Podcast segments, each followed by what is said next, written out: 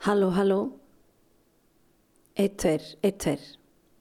Ég er hérna í eldhúsinu, mínu eigin eldhúsi, með hljóðnema frá ríkisúttarpinu. Ég ætla að leifa þessum hljóðnema að elda mig á milli eldhúsa þar sem mínir áhrifavaldar hella upp á könnuna. Ég ætla að hlera það sem er talað þar því það er allt sagt, öll fleikt og allt reyfað um leið og ást og ylur er settur í matreðsluna, kaffi og tesopan. Mér finnst eldúsin vera heima kapellur þessa lands, pretikun á stólar og ræðupúlt, en líka gríðastæðir fyrir huggun og góð ráð. Ég verði eitthvað hérna líka í mínu eigin eldúsi, en svo flökkum við yfir í eldús áhrifavaldana. Allt gerist í eldúsum. Ég held að þau séu mikilvægustu staðir í jarðar fyrir utan uh, Amazon og heimskautin og nokkur reikfyllt bakherbergi kannski. En í eldhúsum hafa byltingar verið skiplaðar, börnum verið kent að lesa, eldhús er næringamiðstöð á svo marga vegu og upplýsingamiðstöð meðferðastöð og umferðamiðstöð. Eldhús getur verið vettfangur svo ólega afdrifaríkra atbyrða. Það er tekist á um lífið og um allt sem skiptir máli og svo ótrúlega margt líka sem skiptir yngum máli. Ég man þetta rifrildi í eldhúsi ömmuminnar á Hraunteig sem fjallaði um NATO og þar var barið í borðin. Mér minnir að það hefði verið afið sem barði mest í borð þegar næsta kynslu var að æsa hann upp. Það hefði verið samin ljóð í eldhúsum og skrifaðar bækur. Sjálf hef ég skrifað nokkrar bækur í þessu eldhúsi og fólk eru auðvitað elskast í eldhúsum og áræðanlega líka dáið í eldhúsum og fæðstar. Ég þekki eitt sem dó í eldhúsi. Það var tíkin mín Emilia sem var svæfð á eldhúsborðin okkar hérna fyrir nokkrum árum, svefninum langa. Ef veltægst til þá getur eldhús verið alheims miðstöð, svona lítið univers. Bestu lýsingar og mikilvægi eldhús og eldhúsborðsins fekk ég sennilega frá tveimur ungum pípulagningamönnum í þorpinu Glossop í Hólasveit eða Peak District á Englandi. Þá vorum við helgi minna hjóla upp England frá Hýþróflugvelli til Skotlands. Við fórum vesturleiðina og gistum á pöpnum í Glossop. Þar voru tveir ungir píparar að drekja sorgum sínum og það kom þannig til að þeir félagarnir fóru uppalega út á lífið til að fagna því að annar ætlaði að giftast sístur hins. Æ, kisa. Nei, ekki væla. Þeir voru sem sé að fagna því að verða fljótlega máar. Sá gleðskapur endaði afar illa og verðandi brúðgumi dagaði uppi í ókunnu rúmi hjá annari konu. Nú sýstirinn og verðandi brúður komst að þessu og kastaði brúðgumanum þegar í stað á dyr og gríti hringnum á eftir honum og hann síndi mér hringin sem hann hafi hýrt úr ræsinu og stungi í vasan. Þannig var það úr að þessir tveir voru þarna að drekja sorgum sínum á pöfnum og leggja á ráðinn um að milda reyðu konuna sem þeim þótti báðum svo undurvæntum. Jæja, en á meðan við helgi hlustuðum á þessa fyrðilegu sögu var Elisabeth Bretadrottning eitthvað að stussa í beitni útsendingu á stórum skjá fyrir aftan okkur þarna á pöfnum og þar sem ég átti ekkert innleg í þessa súru ástarsögu þeirra þá bendi ég á drottninguna og spurði en þið ungu menn, hvernig er það? Finnst ykkur þetta virkilega ekki úrelt fyrirbæri? Ég á við þetta fyrirmenna tildur og forréttinda degur. Er þetta ekki yfir öll strekin hjá næstu kynslu? Og viti menn, þessir kátu píparar, gripu boltan á lofti og tóku undir orð mín og sögðu að kannski myndi konungdæmið ekki lifa tíman af. Þegar ég fann dálitlar undirtektir, þá gaf ég aðeins í og sagði að svo gamla gerði nú eiginlega bara ógagn í nútímanum, ítti undir misskiptingu og stjættaskiptingu, valdróka og afturhald. En þá sá ég að það dimdi snöglega yfir pípulagningamönnunum ungu. Annar þeirra reys á fætur og tók sér stöðu við hlið drottningar á sjónvarskjánum þar sem hún satt með hatt og hanska svona ábúða fulla á svipin. Hann reyndi að vera ekki þoklumæltur og sagði, nei, nú gegst of langt. Hennar hátegn er eins og, Hún er eins og, og hann leitaði orði og fann það og greip það á lofti. Hún er eins og eldúsborð. Ha, við hvaðum öll, líka vinnur hans sem hafi haldið fram hjá sýstur hans. Já, sagði hann svo ánaði með sig. Ef þið takið eldúsborðið í burtu, þá er ekkert. Þá er hvergi hægt að tilla sér, halla sér, þá er allt farið. Eldús er ekki eldús nema þessi eldúsborð. Það er hjartað í húsinu. Þar gerist allt. Þar er huggun, næring og gleði, sorg og stöðningur og öryggi. Hún er eldúsborð, sagði hann svo og blikkaði til sinnar hanskaklætu drotningar og kláraði bjórin.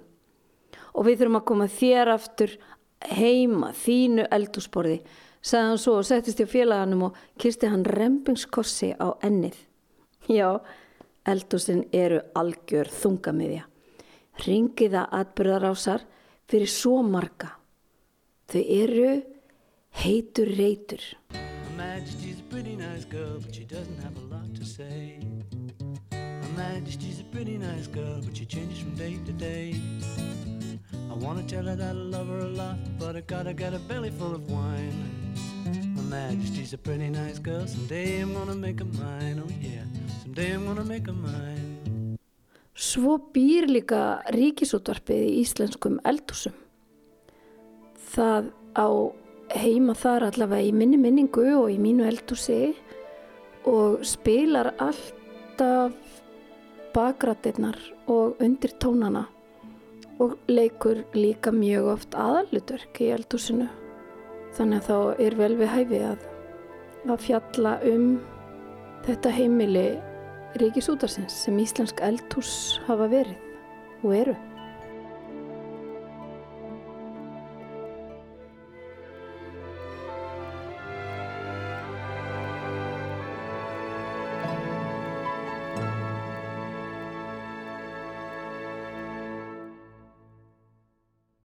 Útvar Breykjavík, rás eitt býður góðan dag.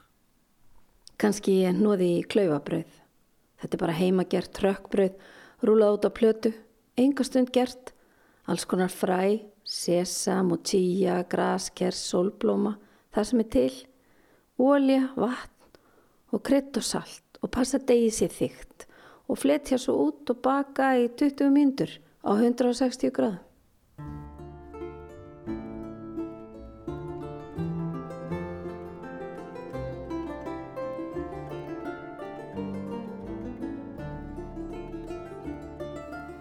Stöndi í borðkróknum á Víðmel hjá útgefandunum mínum, Petri og Páli, þeir heita það í alvöru og það er Bjartur Veröld sem er hér staðsett, þetta forlag, einslega lilla fallega forlag, það er staðsett hérna í Íbúð á Víðmel og hvers vegna Íbúð, Pétur?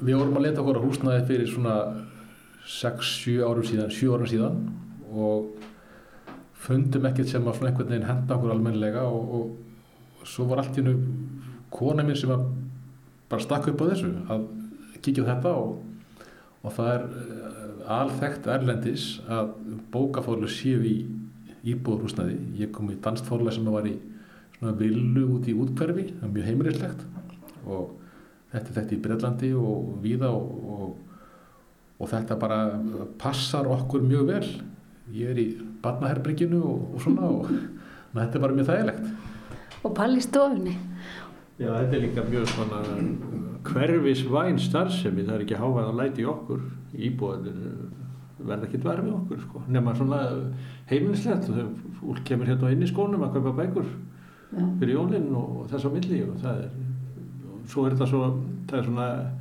heimilislegur andi og þetta er mjög gott að sko í bókabransanum er oft unnin yfirvinna og kvöldir og helgar og svona og þá er bara eins og maður sé heima sko það er svolítið þægil, það er svona þægilegur andi. Mm -hmm. Það er líka nota alltaf komingað og, og maður er alltaf bara eins, eins og heim í eldhúsi hérna. Um, er, er þið byrjar að hlaupa eða steinleikur jólavertin bara? Staðin er nokkuð góð þetta er svona mótast. Listin er nú eiginlega nokkur veginn klár fyrir, fyrir haustið og svo sem sumarið. Við erum að gefa út bækur alltaf árið. Og e, en það er svona ekki að segja að þungin færi núna svona smá saman vaksandi og, e, og eftir verstunumannahelgi þá hann kvarta yfir því á mínu heimili og það sé ekki hægt að vera frí á þeim tíma og bara fram yfir áramót. Að þá bara er maður komin í jólabókaflóðið margum rætt. Og maður bara syndir og syndir og syndir þannig til maður kemur, kemur upp á kafinu mm. og aðfangadag Aðal vandin hjá okkur núna er að sko við erum meila með fulla lista sko, við erum með svo stórt prógram og það, það er gríðarlega það, það, eitt það erfiðast í bókabransan það er að skera niður útgáðlista mm. frá því ég byrjaði og björnur líka að sko, það er alltaf talað um á hverju ári en við verðum að passa okkur að, kannski við erum að gefa út ofin marga bækur og skera niður. Og það gengur aldrei eftir. Maður er alltaf að gefa út aðeins og margar. Sem að vegna þess að bara maður er að fá góð handrit og það er bara freistandi að gefa þau út. Já. Finnir fyrir því að verkefnarlistin hérna breytist eftir því bara hvernig heims ástand er, hvað er í gangi og samfélags ástand eh, hefur það áhrif á verkefnarlistan?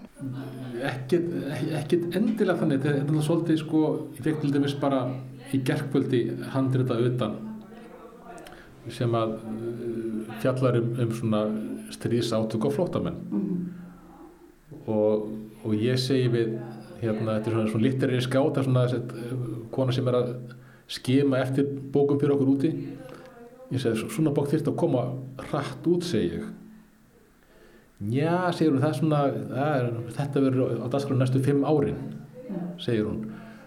Við kannski erum svolítið að, að, að, að horfa alltaf að gera hlutina strax eins og þegar þegar átökin eða innröðsinn í Úkrænu var þá þá drefum við því að að endur útgefa e, Dauðan og mörgæsin eftir Andri Kurkov sem kom út hjá Bjarti fyrir hvað, harnar 20 árum tæpum en það tekur alltaf þrjárfjóra vikur að koma bók hérna í gegnum prentverkið sama hvað, hvað hún er tilbúin mm. þannig að e, auðvitað, auðvitað kannski þegar maður horfður til baka getur maður horfðið einhverja að sé einhverja svona stóra línu sem að, að hérna, áhrifi sjást á útgáðuristana mm -hmm. en svona uh, dægur mál þau rati ekki endilega inn á útgáðuristan nema kannski bara svona undir einhverjum áhrifum setna mér koma stundum inn í skáldsögur sko, maður sér það á sömum svona handlitum fagbókmynda handlit sem koma inn að það, það er endurómar oft svona það sem er að gerast eins og bara eðlilegt er yeah. með, með alla bókmynd sem er endur spekla sinn tíma. En vissulega líka það koma handrit líka með, með banku upp á og eru búin að skrifa eitthvað sem tengist núna til dæmis stríðsátökum eða, eða Úgrænu sérstaklega eða annars líkt það, mm. það er svona eðli málsins samkvæmt. Hvaða bók hefur fyllt ykkur lengst og haft mest áhrif á ykkur uh, þannig að þið sækið ennþá einhvern vísdóm í hana mörgum áratugum síðar? Sko, upp í hugum koma strax tvær bækur hjá mér. Það er náttúrulega bara lagstess, Íslandsklukkan og Brekkváðsarmál. Uh, ég hlusta á Íslandsklukkuna á plötu ég er náttúrulega óbóta sem drengur á mínu heimili. Og hérna ég kunni hann að nánast utanbókar -hmm.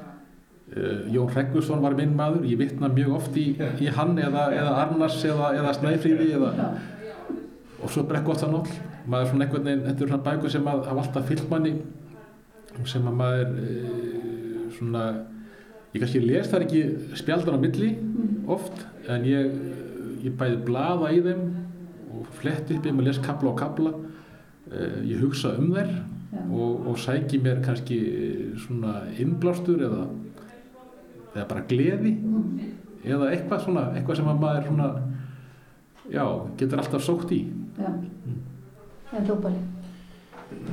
Ég, ég get bara tekið þennan bolta og sagt heimsljós sem ég las í mentaskóla og það er einhvern veginn hún greið mig eitthvað uh, mjög undarlega förstum tökum. Ég var að ég bara var lág og las bara alveg stanslust og uh, það kveikti bara einhverja strengi í mér uh, Ólafur Kárasson og, og allt þetta. En mér fannst ég líka að skinja svona út á hvað skálskapur gengur og, og, og um mátt skálskaparins og hvað hann getur verið öflur það, það, það var ofinbjörnum fyrir mér. Ég hugsa fyrir mig er það Astrid og Lína Langsókur hún breyti lífið mínu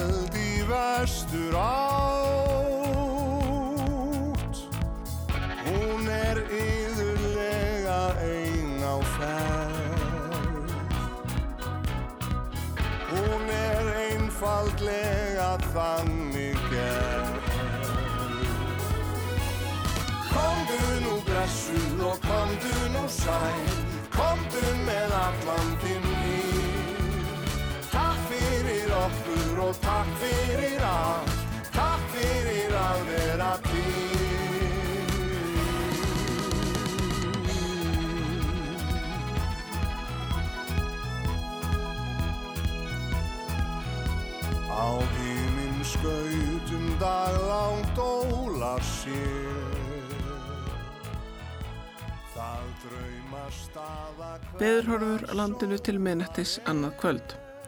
Söðurland, austan og norðaustan 8-13 metrar á sekundu og úrkomi lítið.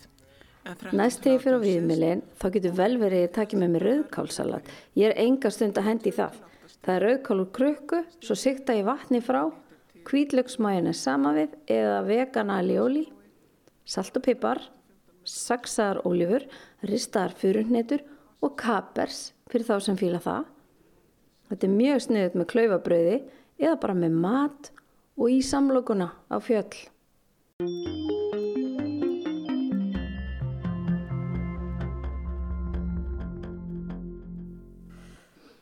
Jæja, uh, nú erum við hérna mæðgur þrjár í eldursunennar erluminnar. Hún er millistikið miðjustelpan mín, jarðfræðingur og fjallaleðsögumadur og svo er Birta hérna líka. Hún er orku og umhverfisverkfræðingur og starfar hjá Grænvangi en það er stofnun sem samhæfir aðgerir í lofslagsmálum á milli ríkisvalds og fyrirtækja og er ekki rétt hjá mér? Samstarfsvettvangur, já. En nú erum við bara heima í eldursunennar erlu sem ég kalla stundum Pippu. Mamman og stelpunnar og við erum að drekka turmerik og appelsínu te með boðskap og mínum tepoka stendur saman getum við gert það sem við getum aldrei gert alin. Við tölum mjög mikið um umhverfismál við eldursporðin okkar öll. Umhverfi og náttúra það er okkar hjartansmál. Afkoma plánutunar og okkar allra um leið. Og við erum oftast sammálastelpur um stórumyndina en, en við erum kannski ekki alltaf sammála um aðfyrir og leiðir. Er það byrta? Nei, jú, auðvitað við, við erum alltaf sammála á endanum og við byrjum alltaf þar og við endum alltaf þar. En hérna, svo kannski förum við aðeins fram og tilbaka og út um allt þar á milli. Um, við veitum allar hvert við þurfum að stefna þegar við erum að tala um umhvers og loslasmálinn og, og orkumálinn, svo höfum við bara ólíkar skoðunir á því hvernig við náum orkmjónum okkar á því sviði en það er alltaf gaman að ræða það. Já, ég er sammála því. Um, þetta er líka, þú veist, ég held bara að lang flestir vilji það sama í rauninni í þessari umræðu þó, þó að við séum bara með alveg uh, mjög ólíkar áherslur og, og ég myndi hérna segja það er náttúrulega leggja allir áherslu á sko það sem að er legg, stendur þeim næst og við uh, pælum mjög mikið í náttúruvend og, og hérna bara umhverfisvend almennt og það getur verið svona okkar uh, leiðarljós í umhverfismálunum á meðan aðrir eru bara með annan bakgrunn og, og finnst eitthvað annað leggja beinast við og þess vegna þar liggur svona ágarinningurinn oft en ég held að við séum uh, eða svona sem samfélag bara svona svolítið sammáli um hvað um, þarf að hva, hver endastöðin er í rauninni einmitt eins og Byrst segir bara hver þetta byrjar og hver þetta endar en, En sko, ég verði að velta fyrir mér sem er orkuskiptin af því að svo margir talum við þurfum að drífi þessu, klára málið, fulla ferði, virkjana frangvandir til að snúa þessu olíuskipi eða öllu heldur að stöðva olíuskipið. Um, þýðir eitthvað að tala um orkuskipti nema við eigum stóra samtali fyrst um það hvað við viljum að orkan fari í og um það að breyta um lífstíl og umturna samfélagin öllu og í raun og veru eiga hugarfarsbyltingu og gera svo margt öðruvísi og kannski eh, geti ég sagt eitthvað sem að má ekki segja upp átt, fækka álverum, uh, fara út í stóriði illrækt og endurhugsa algjörlega matala kerfið okkar og líka hvað við flytjum inn og framleðum. Er ekki skríti að halda bara áfram að virkja og tengja það alltaf orkuskiptum.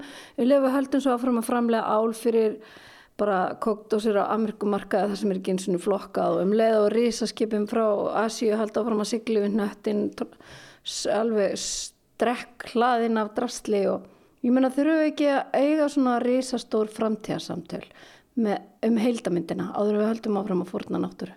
Annars virkar á mig eins og við séum að fara í orkuskiptin til að halda áfram sama lífstíl, gefa engan afslátt og við heyrum ennþá leiðand öll í samfélaginu nota erfið hugtök eins og nýstlu getu og hagvöxt sem er mínum að þetta er svolítið tortimandi hugmyndafræði. Hvað segir þið um það, kæri dætur? Byrta?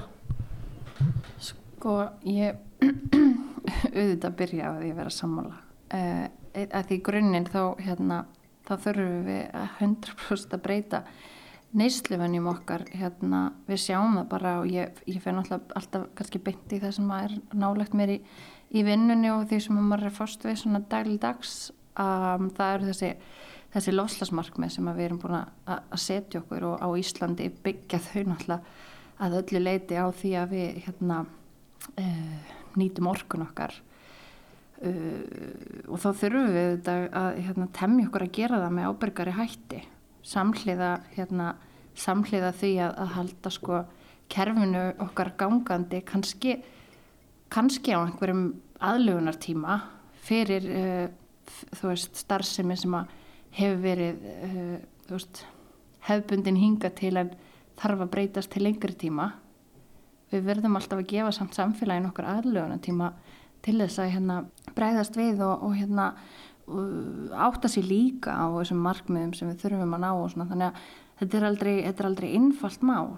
Um, þegar maður horfir á sko bara aðtunlífið sem að keira fram hagkerfið sem þú ert að tala um, um en sí, svo, svo gleymum við alltaf að taka almenningin í þetta, þess að sagt samfélagið í heilsinni því almenningur er bara líka partur af aðtunlífinu og aðtunlífið er partur af almenning við erum öll í sama samfélaginu. Og, hérna, og við sem einstaklingar inn á heimilunum þegar við erum ekki í vinnunum, við erum ekki undanskilin, við þurfum nefnilega líka um, að tilengja okkur nýjar, svona, nýjar vennjur og, og, hérna, og það þarf ekkert að vera neikvæð, það þarf ekkert, breytingar er ekkert neikvæðar, breytingar getur bara verið spennandi og skemmtilegar. Og hérna, þar getur bara farið í sér að læra nýja hluti og og, hérna, og þróa, þróa nýjar leiðir og, og alls konar svoleiðis. En, en það er svolítið eins og við meigum ekki meigum ekki hérna, tala um þetta. Meigum ekki tala um hvernig þetta er sammeilegt verkefn okkar allra. Að því að, að því það verðist valda kvíða eða streitu þegar við setjum pressu á samfélagið í heild. Eins og ábyrðin sé ekki þar en um leið að við setjum ábyrðina á einhvern þá er það erfitt. En það er ekkert erfitt. Að því lausnindar er það núti við vitum alveg í grófum dráttum hvernig við getum breytt, vennjum mm, okkar. mm, og, þið, og Erla er alveg 100% innlegin í það. Uh, Já, ég hérna uh, tek mér yfirleitt stöðu með náttúrunni. En hérna ævarandi orkuskiptin sko, þá finnst mér þetta að vera svona smá uh, svona þreytandi umræða það er einhvern veginn óljóst út á hvað þetta Eh, eða í hverju þetta fælst raunverulega hvað orkuskiptin eru og þá finnst mér oft bara farið beint út í að tala um bara, þú veist, við þurfum að nýta okkar frábæra grænu orku sem er hérna uh, út um allt og við um enda lust af grænni orku og það er svolítið, svolítið mikið einhvern veginn, mér finnst að dómin er svolítið umræðina einhvern veginn um, og, og það er, getur verið svolítið stressandi tilöksuna því ég veit alveg hvað, eða veist að veit alveg hvað það þýr þá, þá eru alls konar staðir á, í hættu á Íslandi og, og við þurfum bara einhvern veginn svona uh, að átt okkur á því að hérna, eða svona taka þessa umræðu sko, hvers, hversu langt eru við tilbúin að ganga í nafni orkuskiptana og eru þá orkuskiptin einhvern veginn, veist er, er það þá þannig að við getum virkið allar okkar orku til þess að uh, framlega meira drasl út í heim eða þú veist núla út einhver, einhver áhrif annar staðar. Um, og svo þú veist líka bara það að við eigum ekki jafn miklu orku og við höldum þannig séð.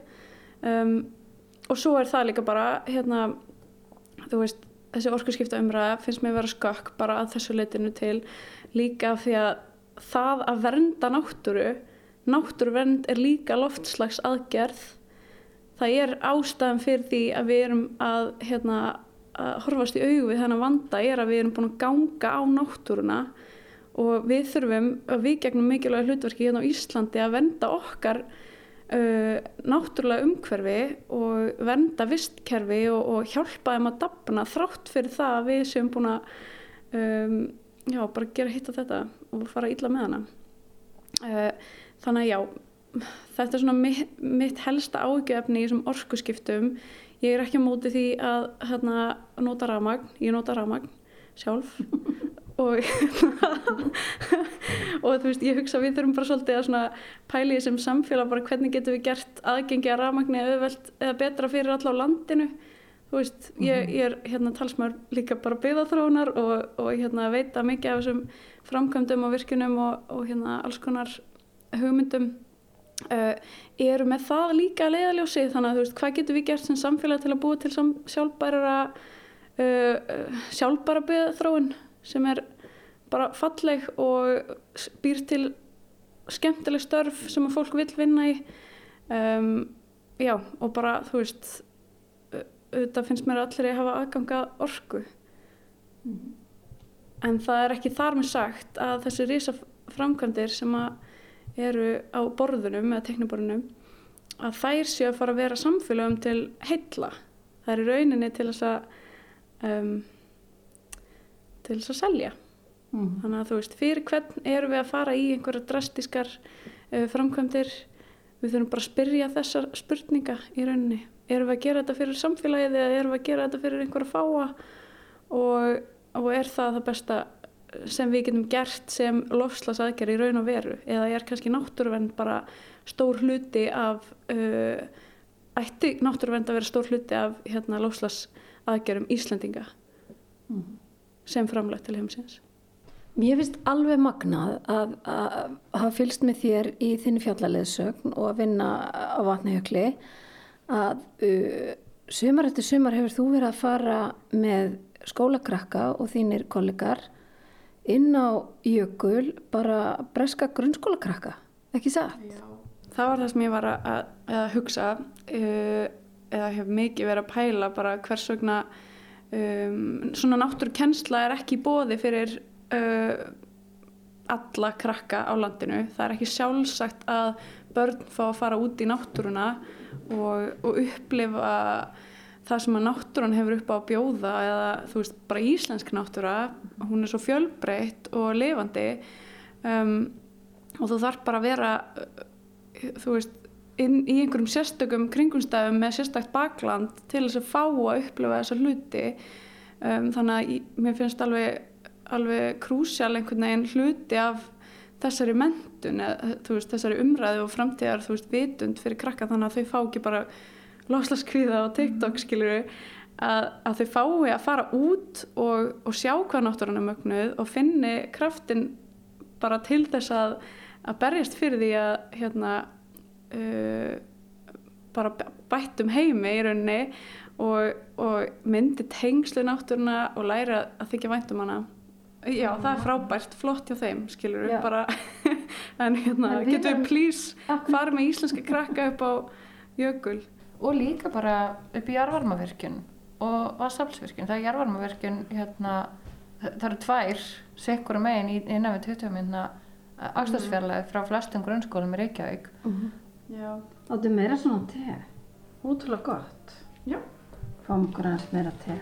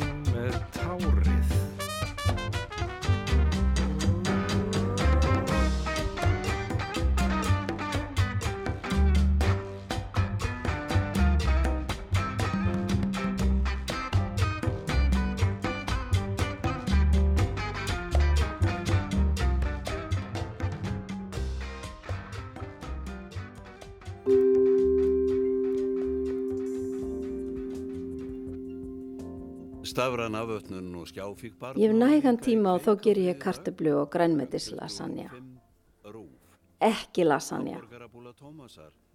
Það má áraðanlega ekki kalla lasagna lasagna sem ekki er með kveitiplötum og kjötmeti. En sem sagt sætarkartöflur, bökunarkartöflur og selleri rót kemur í staðin fyrir kveitiplötur. Allt skorið í fínlega sneiðar og bakað í opni og svo notað í millilægið. Ég veit, þetta er heilmikið stús og vesen með grænmeti og sósur en ást í hverjum bytta.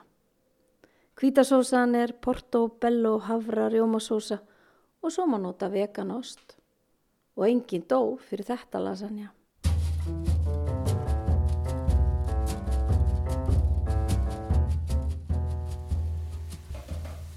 Það er sunnudagsmorgun og við erum stödd heima í eldhúsun okkar.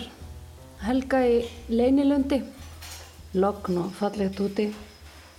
Kísa er komin aftur inn úr stuttum kannunalegangri og, og Lotta, minn nánasti samstarfsfélagi.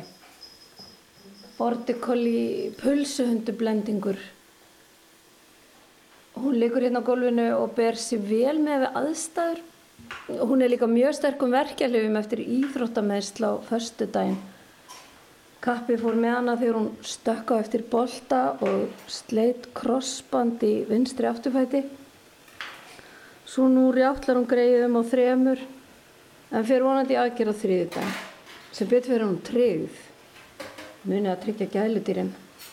Ég er búin að stilla hljóðnema ríkisútarsins hérna upp og hann í brúnni postulínskönnu úr góða hýrðinum á eldursporðinu, kaffi við byrjaði að krauma á könnunni og við helgerum hérna tvö einn í kotinu það gerist bara allt í einu eins og hendis í veifa eina stundina eru krakkar að slást með kottum í stofunni syngja, skella hurðum og læra við eldursporðið og svo allt í einu eru allir orðnir fullorðnir flognir og farnir og við tvö eftir. Lífið er bara eins og lagterta held ég. Einu sinni þá voru sunnudagarnir þannig hérna við vöknum logandi snemma allar helgar á vetuna í nýðamirkri og ættum af stað með stelpuskaran, nesti og fött og allir út í bíl og beinustulegi bláfjöld. Þannig voru allir dagar um helgar og kvöldin í miðri viku. Ár eftir ár og í öllum veðrum.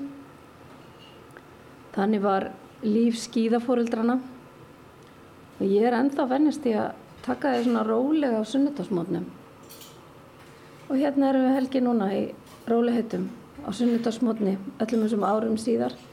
Við erum búin að ganga göttuna saman síðan 1984. Er það ekki helgi? Er þetta ekki svolítið þannig? Já, börnin farin og barnabörnin komin og, og tekum við einhvers konar uppeldi á, á þeim en uppeldi á börnunum hættir aldrei. Nei. Get ekki sagt það. Nei. En það er líka svolítið svona frelsi að vera bara tvö og allt öðru vísi bara uh, svona minna uh, kannski uh, minni tilfinning fyrir því að maður hafi stóra skildur á herðunum En mér finnst líka, það, það er kannski eitt breyst að ef við tölum um það, hvað breytist mikið, því nú ert þú orðin 60 og ég er að nálgast 60, ekkert samt mjög hratt, en hérna, og, og hvað breytist margt á þessum árum, 50 til 60, að þá, þá er vist frelsi sem fylgir í. Við getum til dæmis farið í tvo mánuði og unnið Já, bara ellendis. við erum búin að gera Já. Já, við vorum núna í vetur í tvo mánuði í Madonna og mér fannst það uh, sem sagt við skíðaleðsögn og mér fannst það vera ótrúlega gott líka fyrir hina vinnunum mína, fyrir að vera reythöndur að taka á hverjum einasta laugardegi á móti nýjum hópi ólíks fólks við þessar aðstæður, allir eru leiðin í paradís að kvíla sig frá lægðunum.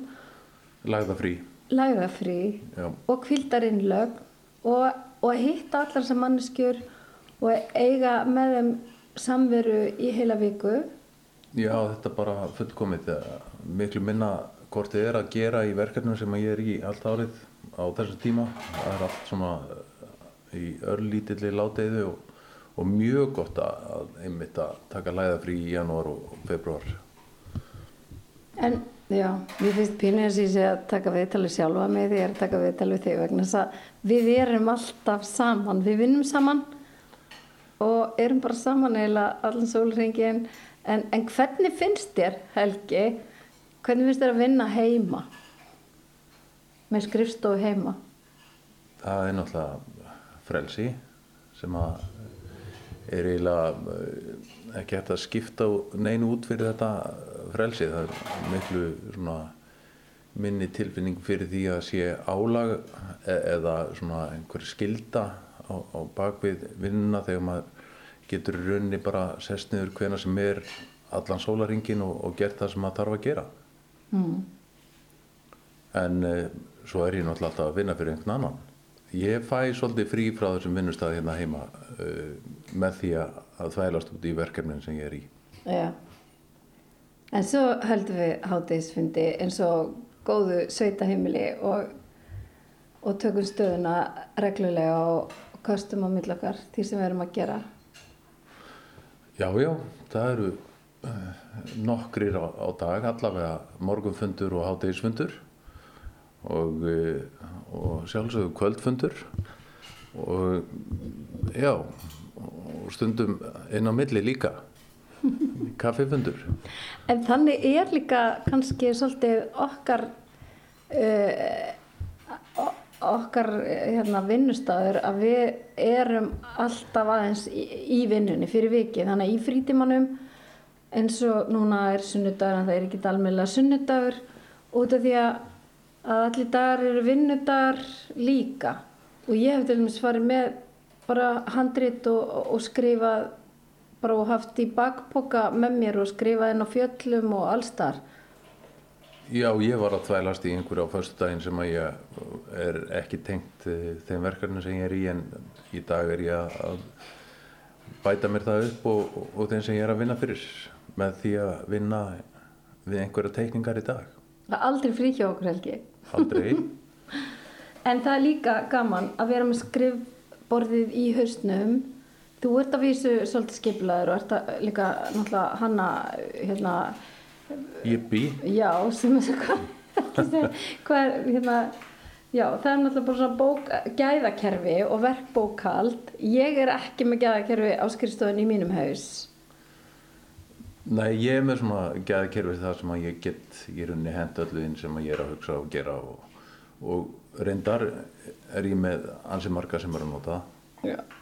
En, en ekki ég að því ég er svo mikið, er óreiða hausnum á mér að ég get ekki skipulagt en ég ger samt eitt uh, hérna á vinnustofinni þegar ég er komin með uh, verki svona sem ég er að fara í svona nokkurn veginn í hausinn þá teikna ég það upp á vegg. Ég er með heilan vegg til Mér að finnst það alveg snill hvernig þú gerir þetta. þú bara mappar upp uh, verkefnið þitt svona uh, sýnilegt, uh, grafíst uh, í orðum og bólum og pílum og uh, og vinnur út frá því sem er bara uh, mjög verkvæðilega nálgun á, á, uh, á stöður reytumöndar. Já, ég, ég myndi kannski ekki, já, ok, gaman að skuli sjá það þannig. En Helgi, hvert sækjum við næringuna til þess að halda hjólum atvinnu lífsins hér innan húsgangandi? Hvað finnst okkur skemmtilegast að gera til að Já, styrkja okkur? Fyrir utan vinnuna og fyrir utan jippi. Já, já. Eh, það er eiginlega í mínum huga hvað er það, þrend eða fernd, gönguferðir hjólriðar skvass og, og skýði Og golf, þú ert byrjar að golfa. já og, og það er nummer 5 Já. verður bráður nummer uh, 1 eða 2 Það er agalegt. Þetta gerist bara því þú varst 60. Ég held að þetta sé allimerki þetta golf. Ég held ég að verður 59 þegar ég byrjaði Já. Ég fer ekki með þér í golf. Fyrst ætlum ég að læra að spila gítar. Nei, það er náttúrulega barátta sem að, að, og stríð sem að uh, mun taka öruglega næstu mánuði og ára að uh, segra koma þér í uh, golf Það gerist aldrei, Helgi. allavega á veitingavagnin Já, já, ég skal draga nestis körfuna á hjólum en, og spila á gítar þegar ég læra á gítarinn. Hmm. Já hvað, þetta er að á borða rúftóti. Borða, það er alltaf grænmeti hér, þú veist það. Það er ekki rétt Hvað Í, annað í farði? gær stekti ég uh, silung uh, smá silung sem að ég vetti í frostastaðvatni uh, þar síðasta sumar og fann í fristinum Já, Lotta vildi hann ekki eins og Þú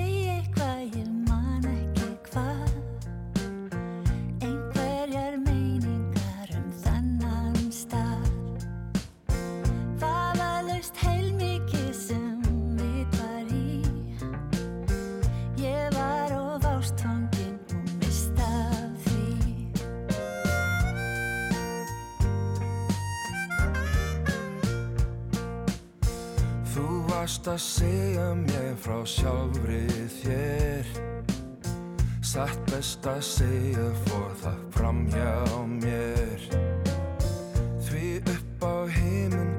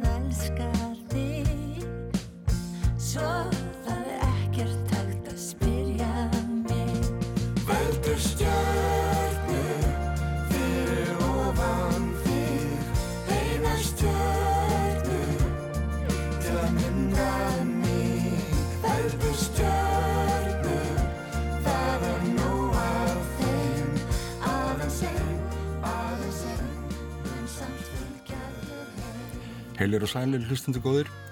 Pétur Gretarsson helsar úr þjóðlörklefa rásar eitt á mánudagsmórni dimbil viku. Vonandi hefur helgin farið vel með ykkur og peppað mannskapin upp fyrir páskana. Hvað er mörg pía í því? Það er rétt að minna á að Jónatan Garðarsson... Döðlur og avokado passa ótrúlega vel saman. Einlega passa döðlur með næstum öllu. Það ætli ég hendi ekki döf og kato salat. Það er bara spínat og klettasalat, fræ og netur, brasaðar létt á pönnu, ólífur, tómatar og svo saksaðar döðlur og smátt saksaður þjættur avokado. létt steikt saman á pönnu upp úr smávegis olju, já ég steiki döðlur og avokado og salat á alltaf að bera fram á fati, ekki í djúbri skál. Þá að dreifa fallega úr því og döf og katóið breyðir svo úr sér í miðjunni. Svo má gera pesto úr afgangnum eða nýta restina í heitan rétt, það gerir spínatið og klettasalatið. Nei, ringir síminn. Þetta er nú þjóðsöngur Úkraina. En það eru akkurýri sem ringir, Sofja mín, yngsta barni. Hm. Sæl, Sofja mín. Hvað segiru? Ég er bara sæl sem þú. Ég er bara kátt. Hvernig er veðrið hjá þér? Það er bara snjóar og snjóar, það er bara komin annar vetur. Þú lítur nú að vera ána með það. Ég er bara mjög ánum með það. það er bara bæta í það. En nú, hvernig gengur í hlýðafjalli? Þú ert nú að vinna þar alla daga. Já, það gengur bara vel. Það er bara búið að vera betra veður á senstu viku og það er bara búið að vera frekar fallegt upp í fjalli. Hvað ert að gera þarna í hlýðafjalli allan daginn? Það ég er skíðgæsla, ég vinn við skíðgæsla upp í Hlefjalli og um, ég vil sé um öryggistætti upp í Hlefjalli á samt öðrum. Fylgjast með snjóflóðum á svæðinu og svona? Ég heldur líka bara að þú veist, hvað, að bara lesa inn í skíðasvæði hvernig slýsa þetta er á svæðinu sjálfu og þegar það er náttúrulega snjóflóðum sem að kemur hana inn en líka, þú veist, Nú ertu búin að vera þarna, Sofja, í hvað, tvö ár? Er gott að búa við Eyjafjörð? það er yndislegt að búa við eigafjörð. Þetta er bara fullkominn leikvöldur. Mér finnst maður að vera aðeins nær náttúrunni og, og sjálfur sér í rauninni og það er náttúrulega svona tengið svo mikið náttúrunni hérna heldur en um, í Reykjavík til dæmis en mér, mér bara líst vel að mér líður vel hérna sko. Já, skan. Ég, ég ætla að koma norður til henni í næstu viku. Ég hlakka til að sjá þig. Ertu að koma? Í næstu viku? Já. Ok, vá, ég hlakka til að sjá þig. Sem við leiðis, skan. Það er Já. gott. Behelsa. Já, sem leiðis, við helsa allir. Leiðis. Kvöldið er okkar og vorum að glaskó Við skulum tjalda í grænum berjamó Leitum við vínum í lundin frá í gær Lindin þar niðar og virkir Ísland græn Leikur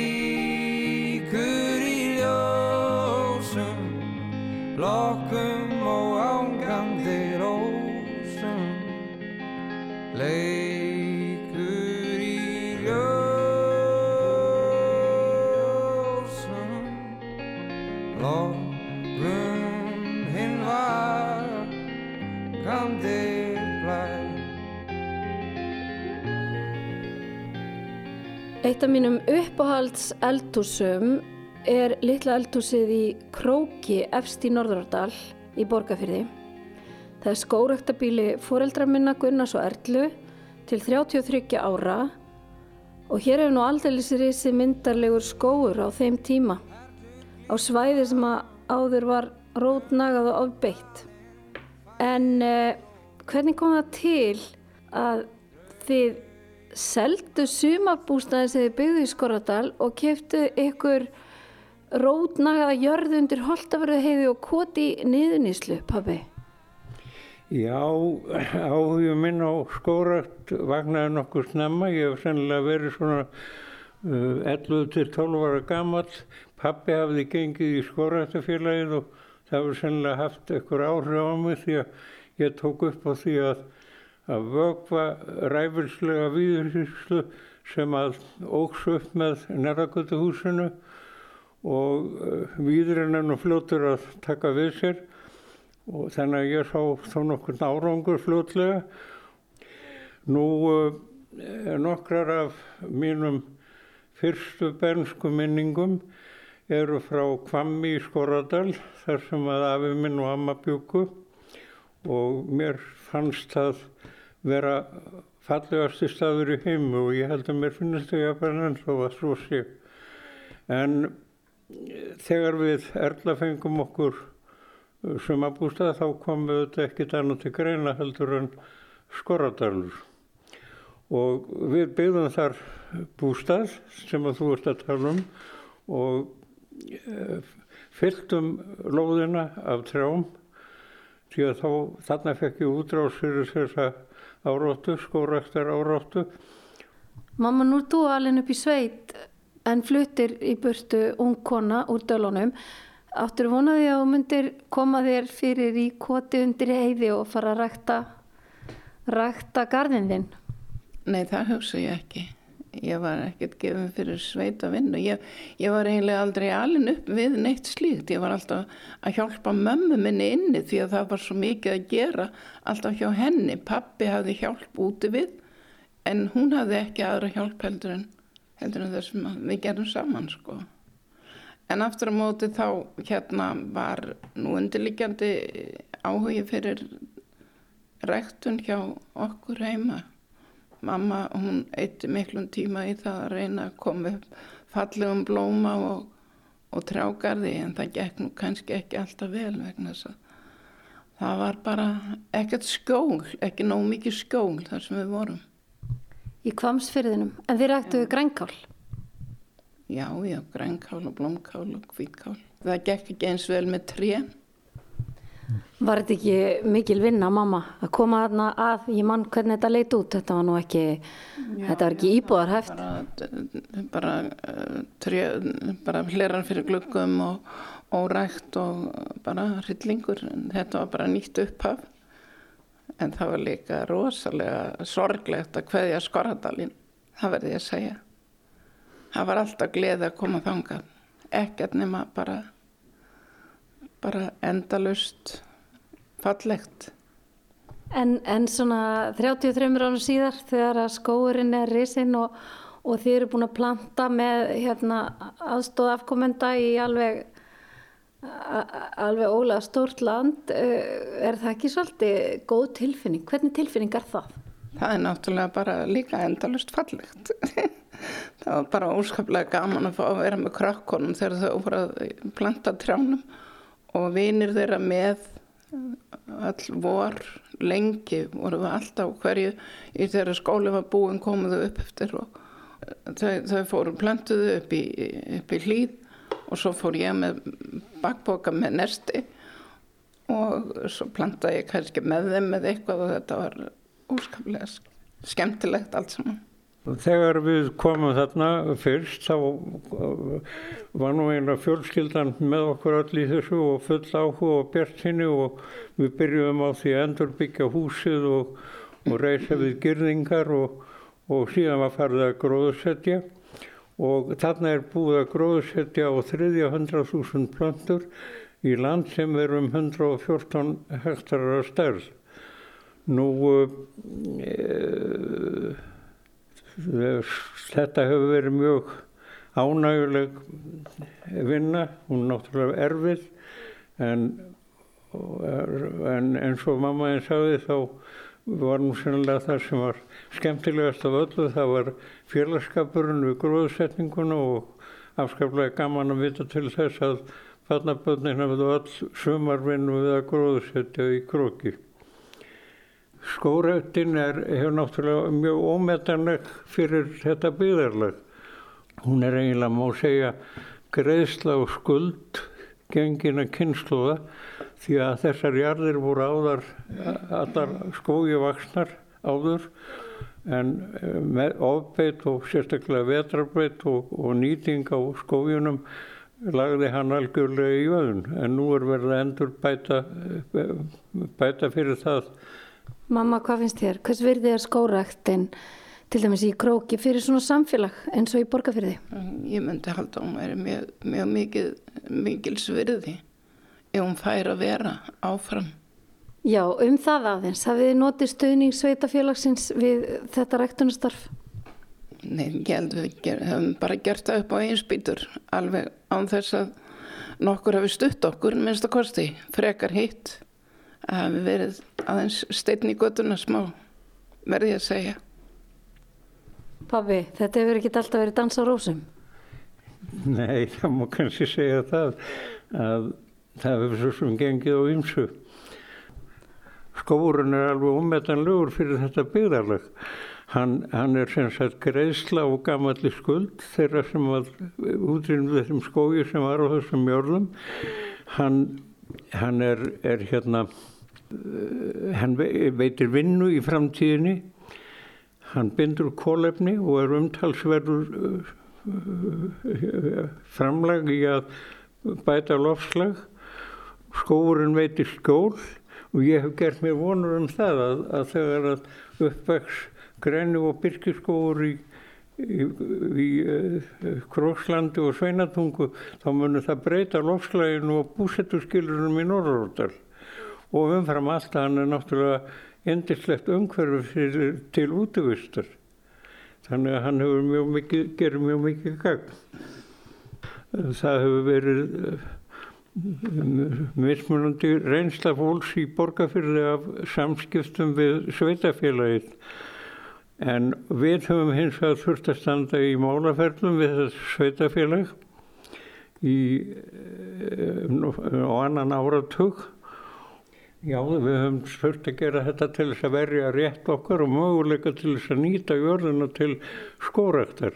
Ef ég hefði gert mér grein fyrir því hvernig skipulag þessu sveitafélags er og hvernig stjórn þess vinnur, þá myndi þær plöntur sem við höfum gróðursett á öllum þessum árum sennilega vera að vaksa upp í öðru hér að í öðrum landsluta.